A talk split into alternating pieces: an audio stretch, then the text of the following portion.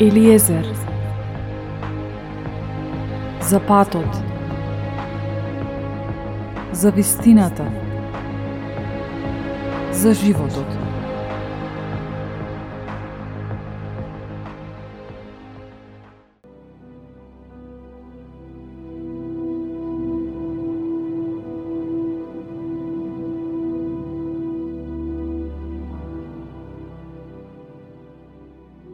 Слуги на Господ, слушајте го ова и вразумувајте се. Ова е словото на Господ. Примете го и не верувајте им на боговите за кои ви рече Господ.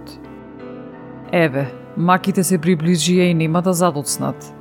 Како што бремената жена кога на деветиот месец ке дојде времето да роди син, два или три часа до раѓањето незината утроба ја вземаат болки – а откако младенецот излезе од утробата, болките не продолжуваат ни еден миг потоа. Така и неволите нема да задоцнат, за да дојдат на земјата. Луѓето од тоа време ќе заовкаат, ќе ги обземат болки. Слушајте ги овие зборови, народе мој. Приготвувајте се за војна и среде неволи. Бидете како туѓинци на земјата. Оној што продава нека биде како да се приготвува да бега, а оној што купува како оној што се приготвува за смрт. Трговецот како да не очекува никаква придобивка, а оној што гради куќа како да не се надева да живее во неа. Сејачот нека мисли дека нема да жнее, а лозарот дека нема да бере грозје. Оние што се женат и што се мажат, дека нема да раѓаат деца, а оние што не се женат, дека ќе бидат како вдовци. Затоа, сите што се трудат, залудно се трудат. Зашто од плодовите на нивниот труд, туѓинци ќе се ползуваат, нивниот имот ќе го разграбаат, куќите нивни ќе ги урнат и синовите нивни ќе ги заробат, бидејќи тие ќе ги раѓаат своите деца во робство и во глад. Оние што се занимаваат со грабеж, колку подолго време ги украсуваат своите градови, своите куќи, своите имоти, своите лица – толку повеќе ќе ги намразат заради нивните гребови, вели Господ.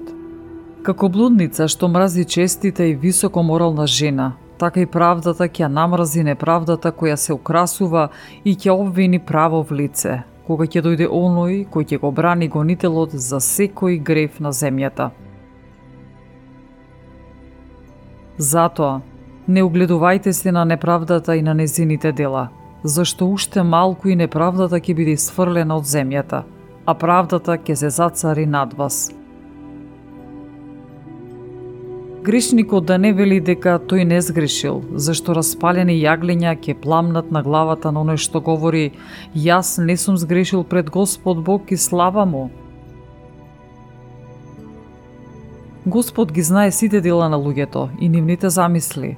Помислите на нивното срце – Тој рече, нека биде земја и земја се појави, и нека биде добро и стана. Преку неговиот збор звездите се создадени, тој го знае нивниот број. Тој ги гледа бездните и она што е сокриено во нив, го измерил морето и она што е во него. Преку својот збор тој го затвори морето и земјата ја постави да лебди над водите. Тој го расшири небото како шатор, го основа врз води. Тој создаде во пустините водни извори езера, на горските височини, за да течат реките од високи карпи, та да ја напојуваат земјата.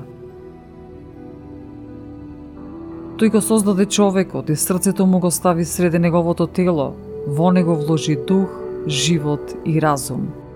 И дишењето е од сесилниот Бог, кој создал се и гледа се што е сокриено во земните скривалишта – Тој знае вашата намера, знае што мислите во вашите срца, кога грешите и сакате да ги сокриете вашите гревови.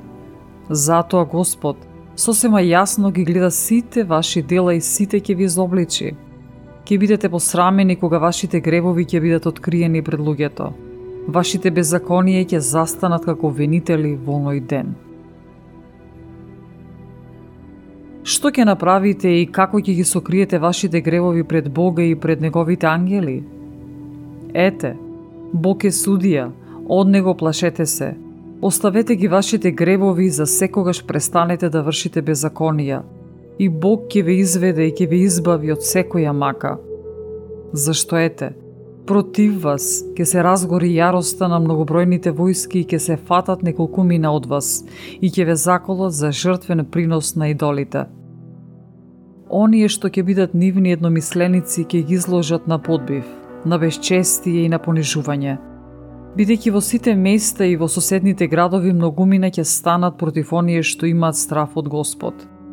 Ќе бидат избезумени, ќе разграбуваат нештедејќи никого и ќе опустошат се што има кај оние кои се плашат од Господ. Ќе го пустошат и ќе го разграбат нивниот имот и ќе ги изгонат од нивните домови. Тогаш ќе настане искушение за моите избраници, како злато што се проверува при коган. Слушајте, возлюбени мои, Господ говори. Ете, пред вас стојат денови на жалост, а од нив јас ке ве избавам. Не плашете се и не сомневајте се, зашто Бог е вашиот водач. Ако ги исполнувате моите заповеди и повелби, вели Господ Бог, вашите гревови нема да бидат товар, под кој ќе бидете притиснати и беззаконијата ваши нема да ве победат. Тешко им на оние кои се врзани со своите гревови и покриени со своите беззаконија. Тоа е нива обраснато со крмушки, низ која патот е покриен со трња, така што не може човек да помине – таа се напушта и му се предава на огнот да ја ичисти.